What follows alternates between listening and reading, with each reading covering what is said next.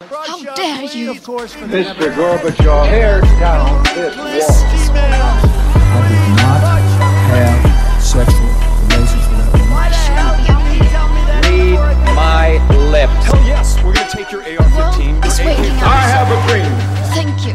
Den eh, våren, våren 2023, fra 23. februar til eh, 3. mars, så, det, så pågikk det en sivil ulydighetsaksjon i Oslo som har fått eh, mye oppmerksomhet. Den eh, førte også til at eh, Støre-regjeringen ba om unnskyldning overfor reindriftssamene på Fosen for at deres menneskerettigheter var brutt. Eh, og Bakgrunnen for dette er jo er, Vi snakker jo da om Fosen-saken. og det handler jo da om vindkraftutbygging på Fosen i Trøndelag. Eh, hvor eh, vindturbiner rett og slett har kommet i konflikt med, med reindrift. Og så har vi det som kompliserer eh, disse, dette her ytterligere, og det som har ført til eh, den, disse demonstrasjonene særlig, er det at Høyesterett i 2021 fastslo at reindriftssamenes rettigheter etter FNs konvensjon om sivile og politiske rettigheter var brutt. Eh, ganske klar, eh, klar dom, eh, egentlig.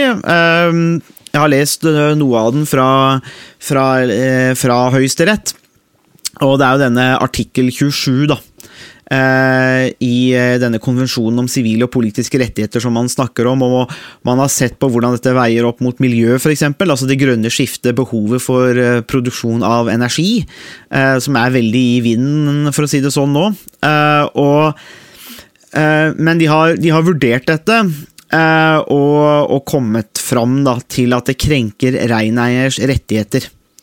Eh, og denne bestemmelsen den slår fast at eh, den som tilhører en etnisk, religiøs og språklig minoritet, ikke skal nektes retten til å dyrke sin kultur sammen med andre medlemmer i gruppa, og det er, eh, som Høyesterett slår fast, på det rene at reindrift er en form for vernet kulturutøvelse. Eh, dermed så Og i lagmannsretten, da, eh, der det kom en eh, som, eh, en, en kjennelse der som, de ble, som ble anka da, til Høyesterett, så konkluderte lagmannsretten om at eh, vinterbeitområdene ved Storhei og Roan, der eh, disse vindmøllene står, den er i praksis tapt for reindrifta. Og dermed så, eh, så er denne rettigheten krenka. Og det er ganske Det er en ganske knusende dom på mange måter. Eh, I hvert fall for, for Norge, da, hvor FN og de ulike FN-konvensjonene og eh, ja, ulike konvensjon, konvensjoner står veldig sterkt i Norge. altså Støtte opp under FN er en viktig prioritering, politisk prioritering for Norge, eh, av mange ulike hensyn. Eh, og dermed så blir det jo også veldig alvorlig eh, når eh, man, ser på, man ser slike brudd, da. Eh, Så det er der saken eh, står akkurat eh, nå. Og da må vi jo snakke om det, Harald. Nå, vi må jo, det blir jo å hive seg litt på ja, vi har jo vi har et ønske om å være litt current, da, litt aktuell i, i podkasten, selv om den saken her også blir kanskje snakka noe til døde i mediet nå, og den fortjener jo all oppmerksomhet, det er ikke det. Eh, men eh, vi kan jo belyse det her litt fra en litt annen vinkel, som er ofte her eh, vårt mål i denne podkasten, i hvert fall. For det har jo en del statsvitenskapelige elementer, og da er vi inne på kjerneordet, nemlig staten. Eh, og da eh, tenkte jeg leiter inn her i noen gamle, gamle forelesninger om staten, og så ser jeg at her er det en del ting som i hvert fall jeg tenkte var interessant, og som jeg tenkte å spille inn til deg, Harald, så får du komme med en liten vurdering. Fordi, eh, i hvert fall når vi underviser i komparativ politikk, og, vi, og der er jo staten den viktigste analyseenheten på mange måter, Rett og slett fordi det, ha, det er den vanligste måten å organisere seg politisk på. Um, så ser man på hva er, de hva er måte, kjerneelementene i en stat, og da snakker man ofte om populasjon eller befolkning. Så stater må jo ha befolkninger, for ellers er det jo bare tomt. Uh, eller natur, så det vil ikke bety noe. Så har vi legitimitet. Og det er at stater um, anerkjennes på en måte av sine egne borgere, men også av andre stater, som at dette er en stat eh, som eksisterer. Den har legitimitet. Så har vi territoriet. Eh, og territoriumet det er jo, eh, er jo satte grenser, f.eks. Norges grenser. da, Og staten kontrollerer jo da eh, flyten av mennesker, penger, varer på tvers av disse grensene. Eh, også til slutt da suverenitet. Stater har jo, har jo suverenitet over dette territoriet. Befolkningen, ressurser. Eh, og de har, eh, de har autoriteten, eller kraftmakten, til å eh, ilegge skatter, avgifter og kreve inn disse. Det er de fire elementene eh, som man i hvert fall når vi underviser i comparative politikk på bachelornivå da, i statsvitenskap, ofte deler opp staten sånn introduksjonsmessig. Og jeg tenkte det gir jo en grei eh, inngang til diskusjonen her, fordi eh, det er vel akkurat her eh, Fosen-saken på en måte belyser eh, problemet kanskje til en stat, eh, hvor man har en befolkning, en minoritetsbefolkning, eh, som har blitt krenka, men staten er jo boss over sitt eget eh, territorium, har ekspropriert land, kan ekspropriere land, eh, og, og har, har denne makten. Så er spørsmålet hva gjør det med legitimiteten? Er det det vi har sett nå, Harald? Er det, altså, er det, er det, er det, her, er på en måte konflikt her nå mellom måte stat som denne konstruksjonen og deler av befolkningen? Eh, og så får vi denne gnisningen internt. Er det, måte, er det, det vi ser nå?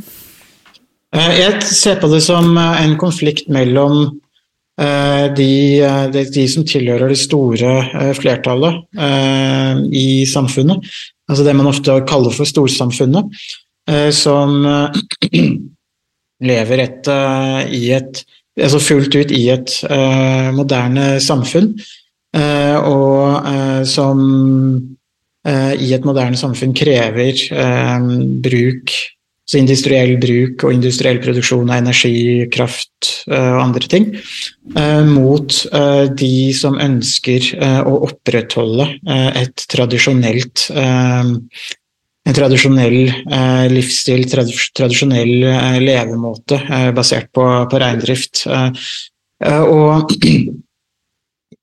den moderne staten er konstruert og gir legitimitet for de som befinner seg, eller som ønsker å leve i et moderne samfunn, mens de som eh, ønsker å opprettholde eh, et eh, slags tradisjonelt eh, samfunn, eh, de vil, eh, de, for, for dem så vil det være vanskelig å akseptere eller å passe den livsformen eh, inn i et, eh, et moderne samfunn. Så det er en, en kollisjon mellom to eh, måter å organisere samfunnet på, og to måter å leve på. og eh, I en sånn konflikt så er det ikke noe tvil om at det moderne samfunnet og det store eh, det man kan kalle det store flertallet av befolkningen eh, alltid vil være sterkere, og som regel også eh, vil gå seirende ut av, av en, eventuelle konflikter.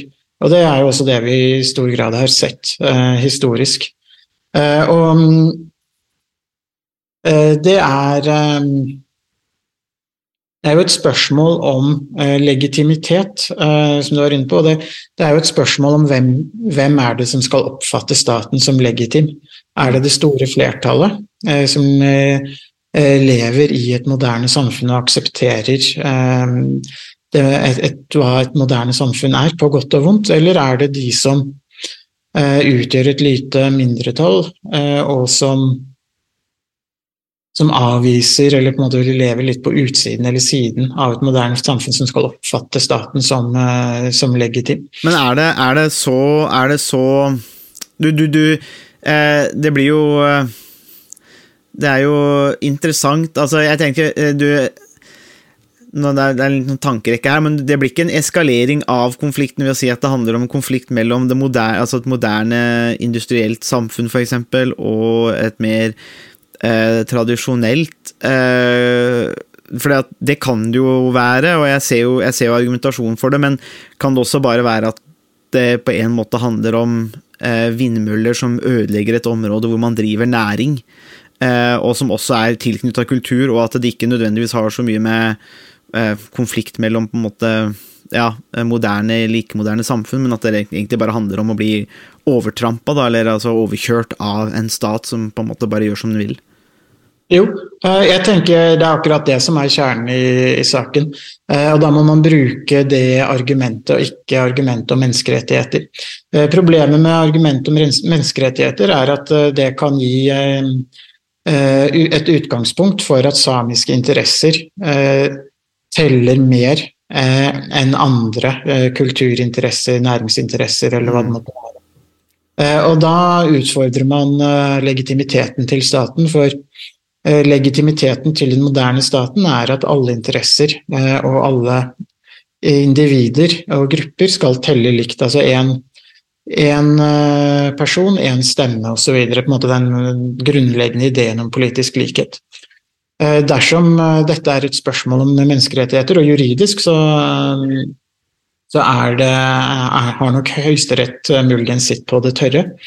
Men politisk og si, moralsk så er argumentet om menneskerettigheter ganske kontroversielt og har potensialet til å skape en mye større konflikt. Eh, så jeg tror altså, det, som, det som er utfordringen her, eh, tenker jeg er at eh, her er det kommet sterke, mektige økonomiske interesser som har feid en feid lokale interesser av banen. Og uten at jeg kjenner veldig detaljert til graden av kompensasjon som reindriftssamene har, har mottatt, så eh, vil jeg nok tippe eh, at det er for, omtrent eh, knapper og glansbilder i forhold til den eh, eh, økonomiske eh, gevinsten som, som vindkraftverket på Fosen Mm. stopper. Eh, Så, så jeg tror, tror det er god grunn til å tenke at samene kanskje har fått en, uh, en altfor dårlig kompensasjon for at de har måttet avstå eh, beite, beiteområder. Mm. Og det her er jo en ganske kjent konflikt eh, i eh, eh, mange deler av landet. Ikke bare knytta til, eh, til samisk aktivitet, men til landbruk og andre andre annen form for eh, næring også, Mm. hvor er veier og jernbaner og flyplasser som eh, storsamfunnet ser på som eh, kritisk infrastruktur, og som, eh, ut, eh, som da vil veie tyngre enn landbruk, jordvern, eh, natur, eh, miljøinteresser, eh, kultur, fri, friluftsliv, rekreasjon osv. Det, er- det er noe man ser i mange deler av landet. og Det som er skummelt, er hvis samiske interesser får et, et mye sterkere eh, vern enn f.eks. Eh, landbruk, natur, eh, friluftsliv og de interessene som, eh, som andre eh, som andre grupper av samfunnet eh, vil, vil fremme. Så, så der er det Der tenker jeg det er, det er en, en fare med denne argumentasjonen som har, kom, som har vært brukt mye. Så jeg tenker det spørsmålet du kommer liksom om, om det er en konflikt om kompensasjon, eller om det er et, en konflikt om menneskerettigheter. Jeg tenker at det først og fremst er en konflikt om, eh, om hva slags kompensasjon eh, man eh, skal få. Og at det, hvis det blir et spørsmål om menneskerettigheter, så er det, da er det fare på, på fare. på fare. Ja, det, det, er, det er veldig interessant, for jeg kan jo på en måte se, se begge sider her. Eh, og det er, men eh, liksom, kjernen i det er likevel, som du sier, da, det er, jeg tenker det er det der å bli overkjørt totalt, altså det at eh, man blir fratatt disse områdene som man har drevet altså reindrift på i, i lang, lang tid, og så, og, så, og så blir det på en måte bare tatt fra en, og så er kompensasjonen også veldig dårlig, og så møtes man med null forståelse. Eh, og, og, det, og, og det er jo ikke sikkert at denne vindkraften egentlig er så altså, Det er jo, det, det jo knytta store spørsmålstegn til hvor, hvor effektiv disse investeringene også er. altså sånn, når man, eh, man dytter jo gjerne Jeg ser eh, Fosen Vind, da, som eh, DA, som var en part her i denne saken, de har jo dytta til grønne skiftet foran seg, men, men det er litt sånn det er et slags buzzword, det òg. Det er snart, blitt en, snart, snart en sånn tom klisjé òg. Dette med det grønne skiftet er sånn kan man liksom gjøre hva som helst så lenge det er, er for det grønne skiftet. Eh, men det er jo, det er jo knytta store spørsmålstegn til hvor, hvor effektiv denne vindkraften er, og, eh, og særlig sett opp mot denne båndleggingen av natur. eh, og hva det eventuelt ødelegger òg. Og det er jo, det er jo noe med jeg, jeg, jeg kan jo også se en, en, liten konflikt der. Jeg føler litt på den samme biten når det kommer til massiv hytteutbygging òg. Eh, så er det sånn Ja, men folk må jo ha tilgang til fritidsboliger, og, ut, og utbyggere må jo få lov til å kunne tjene penger på prosjekter og sånn. Men på et tidspunkt, og vi har jo en, vi har jo, vi har en konflikt her da, i min kommune, eh, hvor grunneiere har nå sagt nei til at det skal kjøres skiløyper over det største området, hvor det er, altså det er, mange, det er jo noen tusen hytter i området. Eh, og det er jo Nesbyen kommune har jo et av landets største og beste eh, løypenett for langrenn. Eh, hvor da et sameie har nå sagt nei til å kjøre løypene over. Eh, og, de, og der er også rein eh, konfliktområde, villrein, som eh, hører til i Norefjell-området og innover da, mot Nesbuen. Uh, som jeg har sett mange ganger sjøl, sier at dette, det går utover dette. Uh, men det handler også om at grunneiere blir bedt om å stille et friareal til utbyggere uten at utbyggerne kompenserer noe som helst for det. Slik at det er en stor slitasje på områdene og nedbygging av på en måte områdene uten at de har noe de skulle ha sagt. Og det, og, og, på en måte så ser jeg en liten parallell her i den forstand at det er jo lov å ønske seg noe annet. Altså Det er jo lov å ønske at ja, men livet vårt handler ikke om dette massive forbruket eller nødvendigvis storsamfunnets behov, men vi vil gjerne leve sånn som vi har gjort. og det, Der kan jeg jo skjønne forargelsen når det på en måte, når det da kommer noe, en stat og bare da bare sier nei. Det, det, skjer ikke. Men samtidig så er det en, en, en, litt sånn sober realpolitisk vurdering der, da. I at når staten trenger noe, så kommer stort sett staten bare og tar det. Ja, uh, jeg, kan jo fortelle noen liten uh, personlig anekdote om uh, vindkraft. Mm -hmm. da jeg eide Borgbunn, så For ca. ti år siden så, så, fikk jeg et brev i posten fra Sveko, som er et norsk konsulentselskap, med et et varsel om at E.ON, et stort europeisk Eh, energikonsern eh, hadde planer om å bygge vindkraftpark eh, i, i skogen som jeg eide, eller som hørte til, til gården. Og alle grunneierne ble kalt inn til, til møte, informasjonsmøter og fikk forelagt intensjonsavtaler og osv. Og, og da hadde kraftbransjen nettopp fått Eh, blitt gitt et sånt grønt tilskudd som gjorde at de fikk eh, et bestemt antall øre per kilokraft, eller kilowatt med kraft som de eh, produserte miljøvennlig. I forbindelse med det som ble kalt miljøsertifikater, som også hadde blitt brukt i, i Sverige tidligere. Så da ville E.ON bygge en ganske stor vindmøllepark i Eh, Råde, Våler og Sarpsborg kommune, et stort skogsområde, felles skogsområde mellom de tre kommunene. Eh, og det vi ble forelagt da, var en avtale hvor jeg som grunneier, basert på mitt areal, eh, ble tilbudt en kompensasjon på 5000 kroner i året. Mm. Eh, og det er jo eh, en ganske latterlig liten eh, kompensasjon. Og det, den største grunneieren vel, ble vel tilbudt rundt 600 000 kroner. Men totale, de, de, totale summene som ble tilbudt, tilbudt oss som grunneiere, var jo da bare noen få millioner kroner til sammen. Mm.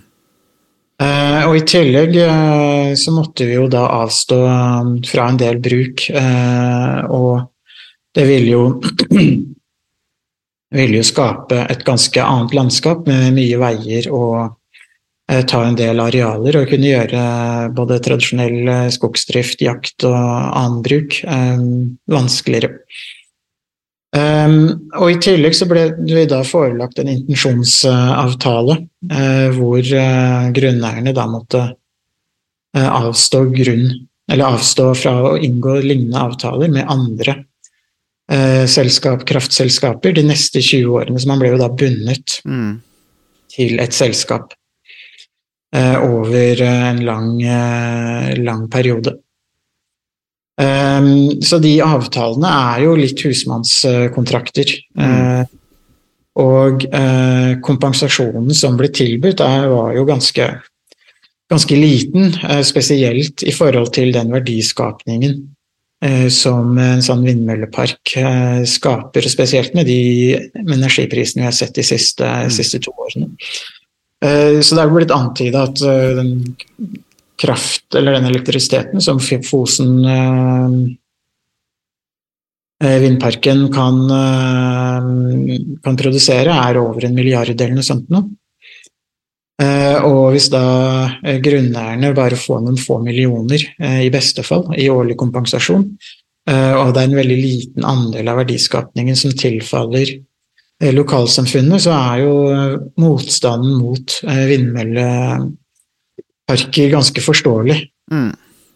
Og det, det, er, det er et er et stort, eh, et stort problem. Sånn som da man bygde ut fosser i Norge for eh, litt over 100 år siden, så eh, hadde jo det også ganske store konsekvenser for lokalsamfunnet, men da bygde man ofte en aluminiumsfabrikk nederst i fossen, eller der strømmen ble, ble, ble samla og produsert. Mm. Så hadde man ofte en, en, stor fabrikk, sånn som i Odda og mange, Årdal og mange andre lokalsamfunn, så bygde man en stor industri eh, rundt eh, den, eh, den energiproduksjonen man hadde med å mm. bygge ned fossene. Og det ser man jo ikke i det hele tatt i, når det gjelder bygging av vindmøller. Ja, for Er ikke det et problem her òg, kanskje? At eh, når man, når man, ser hvordan kraftmarkedet fungerer i dag, så er det ikke, det er ikke åpenbart at Som du sier, da. Bygger, når de bygde ut eh, de store kraftverkene og de la fabrikker i, i bånn, som du sier, med industri, så var det på en måte åpenbart for folk hva slags effekt det her hadde. Altså Det hadde en direkte påvirkning på folks liv med arbeidsplasser og økonomi. mens dette er jo kraft som da bare skal eksporteres, stort sett. da, Noe går jo inn, da, men, eh, men, men det, er, det, blir egentlig bygd for å gå inn i et marked. Og med de prisene som vi har sett nå, så er det jo vanskelig å se for seg hvilken fordel man får ved å bygge ned store områder, og så Ja, men da, da, da presser vi prisen ned til 1 krone 50 kilowatten. Det er liksom sånn Det er vanskelig å se for seg den direkte effekten her, da. Ja, det er det, og jeg tror Eh, kraftutbygging eh, generelt, eh, spesielt vindmøller, det må komme lokalsamfunnene i større grad mm. til gode. Både grunneiere, andre næringsinteresser. Både turisme, reindrift og hva det måtte være. Må i større grad bli kompensert og mm. må ha en annen fordeling av overskuddet av arealbruken. Eh, noe som er helt, eh, som jeg tenker vil være, eh, være ganske, ganske, viktig. Jeg kan bare, bare, avslutte den anekdoten om den vindmølleparken som var planlagt i, på min eiendom. Den ble jo senere skrinlagt. og jeg var også sammen med bare én annen grunneier, så var vi de to eneste som ikke skrev under de intensjonsavtalene. Ja. Som betyr at de andre grunneierne er jo da bundet til E.ON i all overskuelig framtid eh, mm. når det gjelder eh, vindkraftutbygging. Og at hele det arealet er jo da båndlagt. Ja. Bare for én aktør. Hvis de skulle finne på å bygge, eller mm, prøve seg igjen, da. Ja, så, så, den type avtaler jeg tenker jeg er er det god grunn til å se på med en viss uh, skepsis.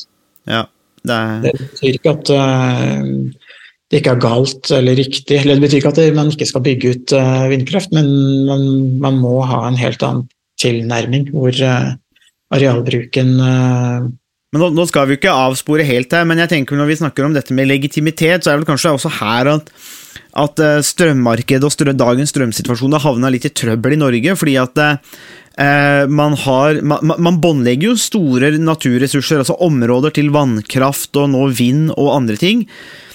Eh, og man produserer mer strøm enn det man egentlig trenger, men samtidig går prisene veldig opp.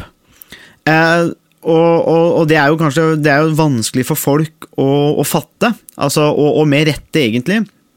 Eh, og så har vi en politikerstand som ikke akkurat gjør så fryktelig god jobb i å på en måte artikulere eh, å forklare hvorfor det er sånn som det er. Antagelig fordi de ikke skjønner det heller, men, eh, men Vi klarer ikke å artikulere hvorfor det er sånn, men det er ingen som klarer å artikulere særlig gode løsninger heller. Eh, og og litt sånn der politisk anemi sant, i Norge nå, hvor du har særlig Arbeiderpartiet som støtter egentlig dagens strømordning, og så har man det største opposisjonspartiet Høyre som holder kjeft, eh, og som flyter høyt på meningsmålingene. Eh, og det gjør de stort sett ved å holde kjeft, fordi at de støtter jo stort sett den samme politikken, og de er jo langt på vei ansvarlig for Fosen, de òg. Men de gjør jo sin beste jobb med å holde seg langt unna den Så det, man får jo inntrykk av at det er dagens regjering som på en måte har skylda, men det er jo mye mer nyansert i det politiske landskapet. Uh, og, og, det gjør jo også at tenker jeg, problemet er litt større. Fordi at uh, Hadde det bare vært regjeringen, dagens regjering som tura fram og ikke skjønte hvordan ting hang sammen, så kunne man jo bare kvitta seg med de ved neste valg. Men la oss si man kvitter seg med, med Arbeiderpartiet og Senterpartiet ved neste valg, eh, og stemmer inn Høyre, så har man jo egentlig bare stemt for et parti som i stillhet mener akkurat det samme som har blitt ført, og dermed så Ja ja, da, da, får man ikke gjort så mye med det. Men jeg tenker likevel den der legitimiteten sånn, eh, her, at det, det, det, det, kan jo virke som om at man ikke klarer å, å forankre dette i befolkningen. altså Folk sliter med å gi gi dette legitimitet, uh, fordi at det gir ikke mening for mange at strømmen skal fungere på den måten, og dermed så er man i ubalanse. Det tenker jeg er et problem for staten, da. Uh, ja, absolutt. Um, og det er jo også fordi at Eh, kraft- eller energiproduksjon er så tett knytta både til arbeidsplasser, industri mm. Eh, og også det at vi, eh, vi, lever i et kaldt og mørkt land hvor elektris, elektrisk oppvarming er en grunn, grunnpilar for å gjøre, gjøre, det mer levelig og komme seg gjennom en kald norsk vinter som ja. i år virker som skal vare en hel evighet, mm. nærmest. Sier han, som, sier han som bor i Halden, hvor det på en måte er plussgrader stort sett hele året nå? Ja, faktisk. begynner å bli grådig, vet du. det, er, eh, det, er, det, er en, det er en svakhet. Ja. Blir å dra på åra, tror jeg. Ja, jeg kjenner du på gikta. kjenner du på gikta, så snart må nok Harald sette opp et sånn lokalkontor på, på Gran Canaria. Som hente seg inn igjen. Men, eh, men eh, når vi snakker om litt det der eh, med den anekdoten, jeg syns jo det er interessant at du har vært involvert i det, i det, i det samme sjøl. og da tenkte jeg det er jo egentlig en fin overgang til til det siste som jeg tenkte vi kunne ta opp i dagens episode. For det har jo litt med dette med, med rettigheter, da. Uh, og noe av det vi har snakka om i, i komparativ politikk, det er jo noen av de gamle si, filosofene, politiske filosofene. Og en av de er jo John Lock. Uh, og han, uh, han hevda jo at borgere har naturlige rettigheter. Eh, det kunne være liv, frihet og eiendom, eh, og at disse også ble gitt til mennesker av Gud eller naturen. Men poenget er disse rettighetene eksisterte uavhengig av hvilken styreform man har. Uh, og så påpekte også Loch at om staten skulle bryte eller ikke respektere disse naturlige rettighetene, så har de faktisk en rett til å protestere og tvinge fram endringer. Jeg syns det egentlig var et, eh, et, eh, et, et, godt perspektiv, men du, du, har lest mer og studert mer John Lock enn det jeg har, Harald. Men hvordan syns du ja, hvordan, kan vi, hvordan kan vi bake John Lock inn i, i Fosen-saken? Ja, John Lock eh, sin teori om, om, eiendom og rettigheter eh, tar utgangspunkt i at Eh, dersom det er et areal eh, som er ubrukt, som ingen, eh, ingen bruker, ingen, eller som er på en måte det man kan kalle jomfruelig mark, for å si det litt sånn pompøst. Så hvis det er et sånt areal, og det er noen som utfører altså begynner å jobbe med det arealet, gjøre endringer, dyrke det opp f.eks. Eh, bygge et, eh, en bygning, eh, gjerde det inn, slå ned eller klippe bort vegetasjon og trær og skog osv., så, videre, så vil man gjennom arbeidet opparbeide seg en slags eiendomsrett til, til det arealet. Og på mange måter så er den, den eiendomsretten det er noe man da har eh, som individ, og det er noe man opparbeider seg eh, gjennom bruk av, eh, av arealet. Eh, og det kan jo gjøres på mange måter. Det kan være gjennom eh, landbruk, gjennom sk- skogsdrift, eh, reindrift eh, eller hva det måtte være. Mm. Så over tid så vil man da opparbeide seg en, en, opparbeide seg en, en, en, en rett til å bruke det, fordi det, man har gjennom sitt eget arbeid klart å, å endre, eh, endre terrenget eller endre eh, bruken av arealet og utseendet av, eh, av arealet. Um, og det er jo noe av det vi ser uh, stort sett i hele Norge. Altså, landet har blitt tatt i bruk. Eh, man har brukt både innmark og utmark i uminnelige tider, og det gjelder jo både majoritetsbefolkningen og også ulike minoriteter som samer og, og andre. Eh, Så gjennom den bruken så man, kan man da med Lock eh, sitt argument si at man har opparbeida seg en, eh, en rettighet, og at man har en, det er en naturlig rettighet fordi det er noe som er et resultat av at man eh, jobber eh, for å forsørge sitt, eh, seg selv og familien sin gjennom Mm. eh, jordbruk, reindrift, eh, annen, annen eh, bruk av naturen. Mm. Eh, Så da, er, da kan man på en måte fastslå at man har en, en naturlig rettighet, fordi det er naturlige aktiviteter som må gjøres for å opprettholde f.eks. Eh, liv, eh, eller det å kunne ha tilgang til mat, drikke, eh, husly osv. Mm. Eh, Så det er utgangspunktet til, til, til Locke eh, sitt argument. Mm.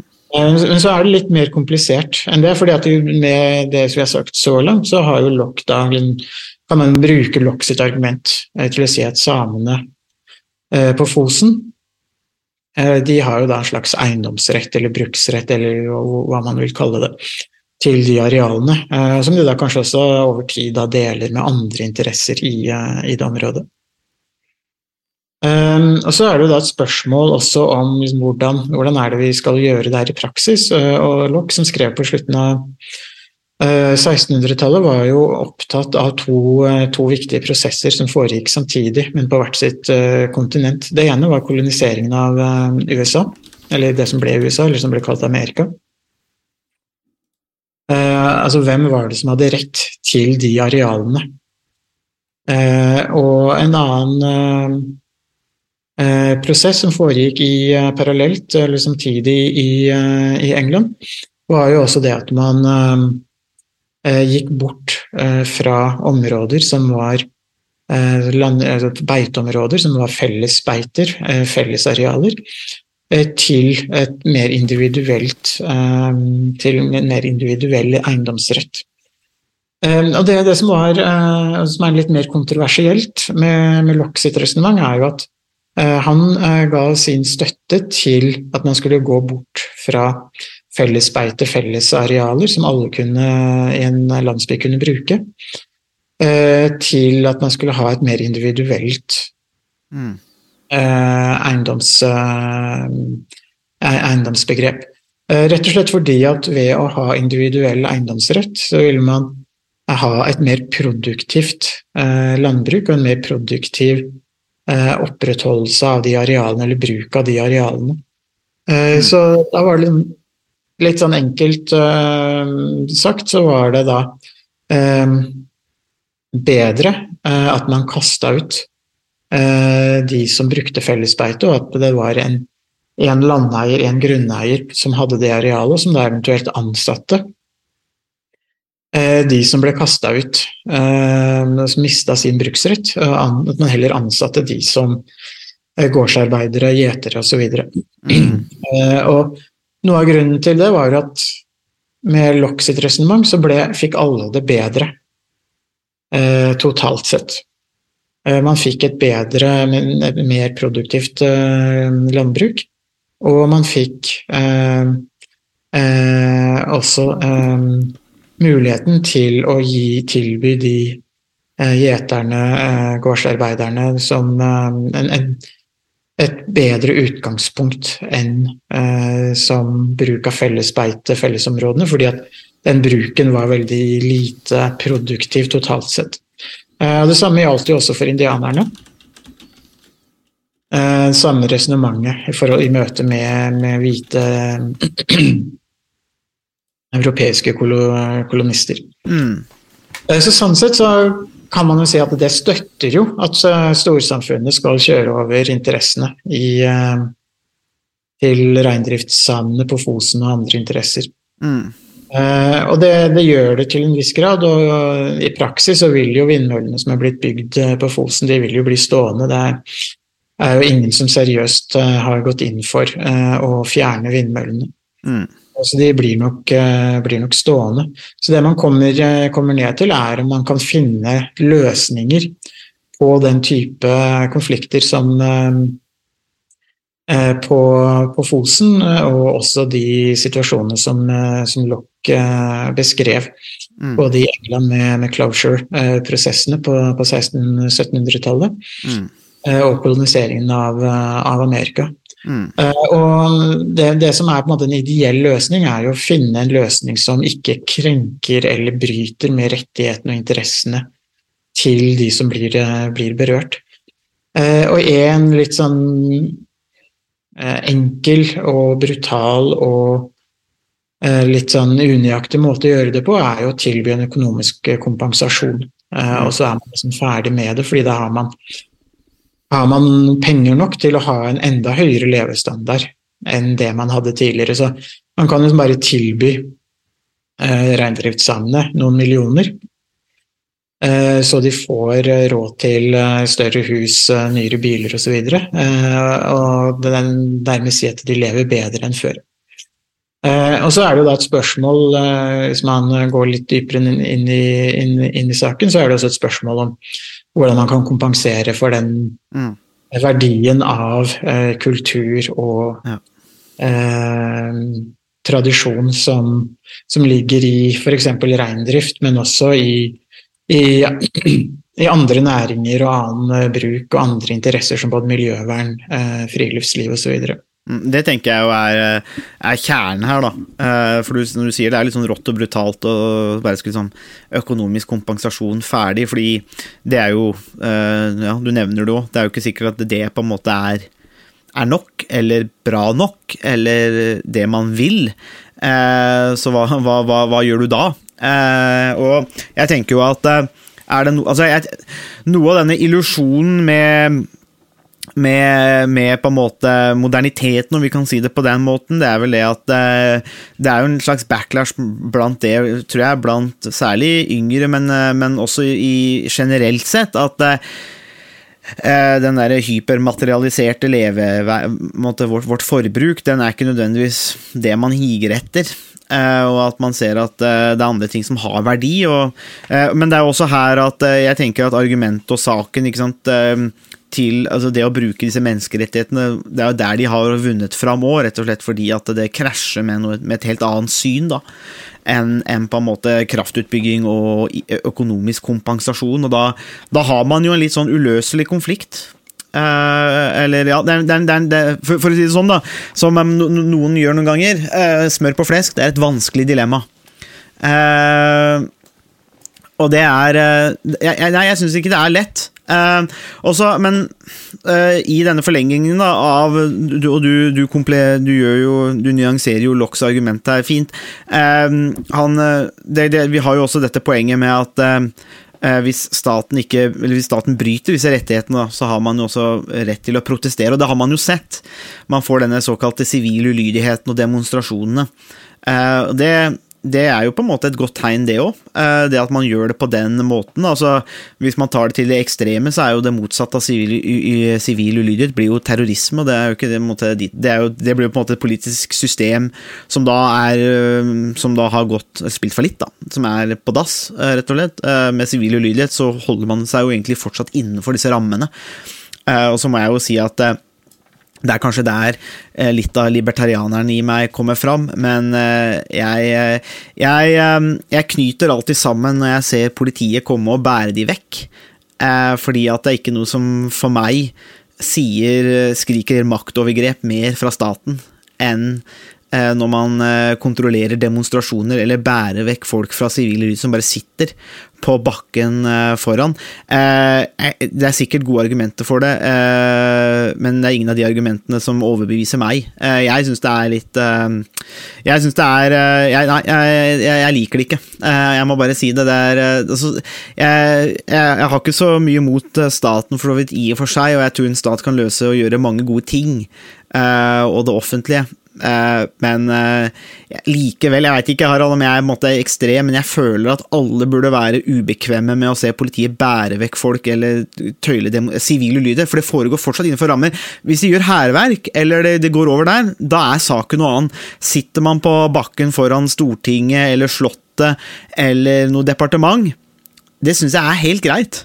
Eh, og jeg, jeg, jeg, jeg det, det er liksom Nei, eh, det er et eller annet som jeg syns er veldig ubekvemt, når, når, når, de gjør det, rett og slett fordi at det, det bare Da ser man på en måte statens maktmonopol. uh, og de bruker det, og jeg Nei, jeg, syns det er litt ukomfortabelt, men det er kanskje bare det, libertarianske libertarianske fiberen i meg, da.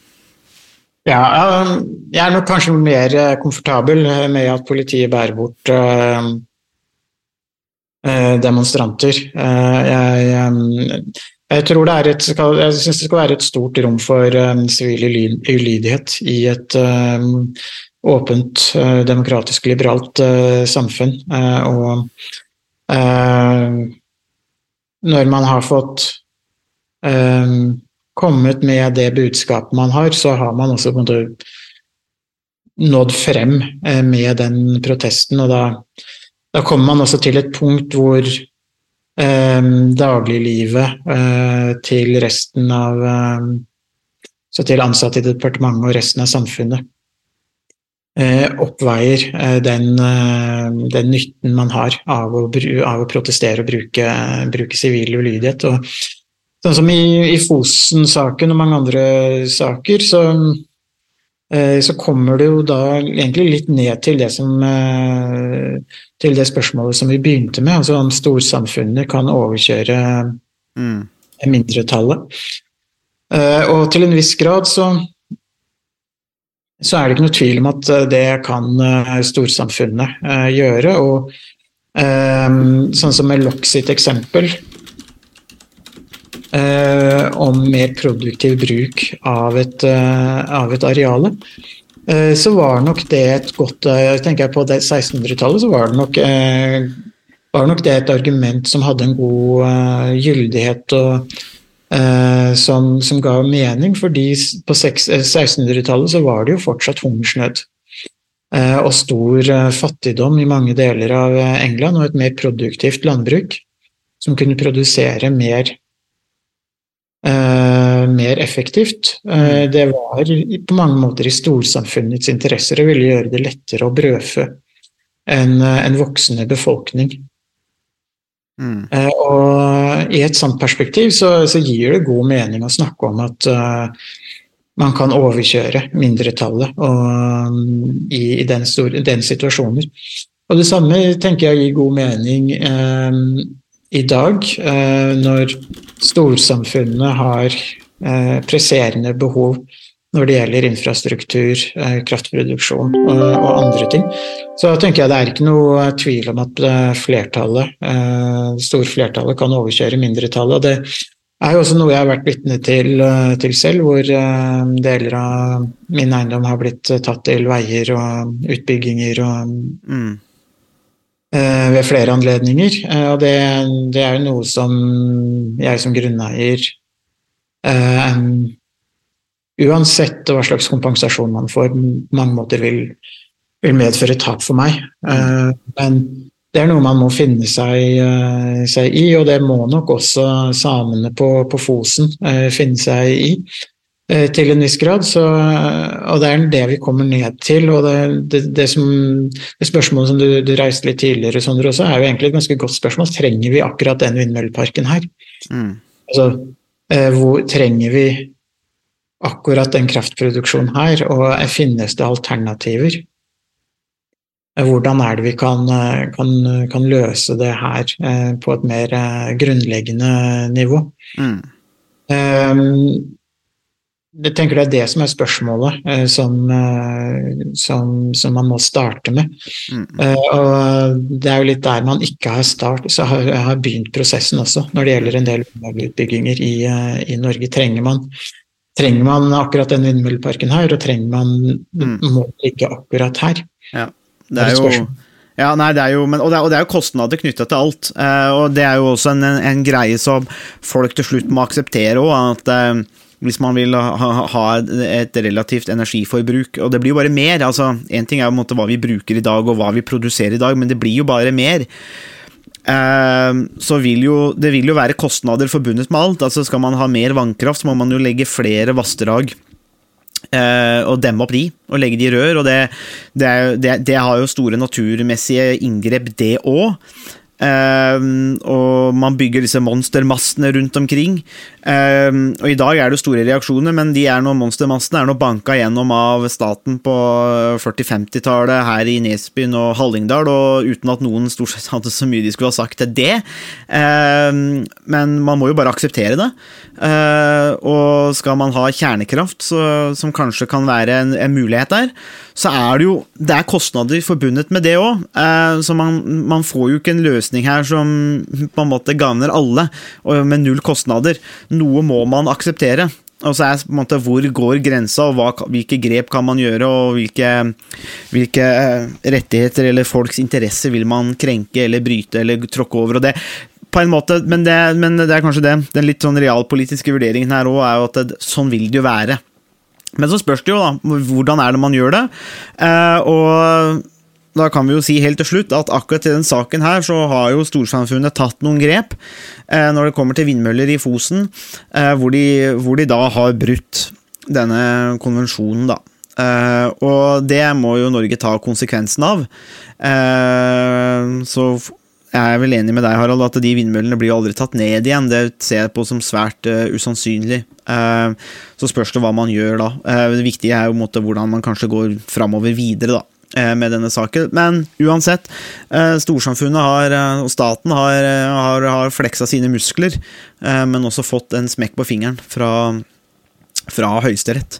Uh, og at vi har brutt FN-konvensjonen er alvorlig, altså. Igjen for et land som, hvor FN er veldig viktig. Så vi får se. Men uh, jeg vil tro at uh, i framtida òg, med mer utbygginger og større kraftbehov f.eks., så vil nye, nye konflikter komme. Så vi ser hvordan staten velger å håndtere det. Takk for at du hørte på Statsvitenskap og sånt. Har du spørsmål, kommentarer eller tilbakemelding, så er det bare å ta kontakt på vår Facebook-side, per e-post eller brevdue. Musikken er som vanlig laget av Robin Horvath, og Mats Halvorsen mikser og redigerer podkasten. Vi høres!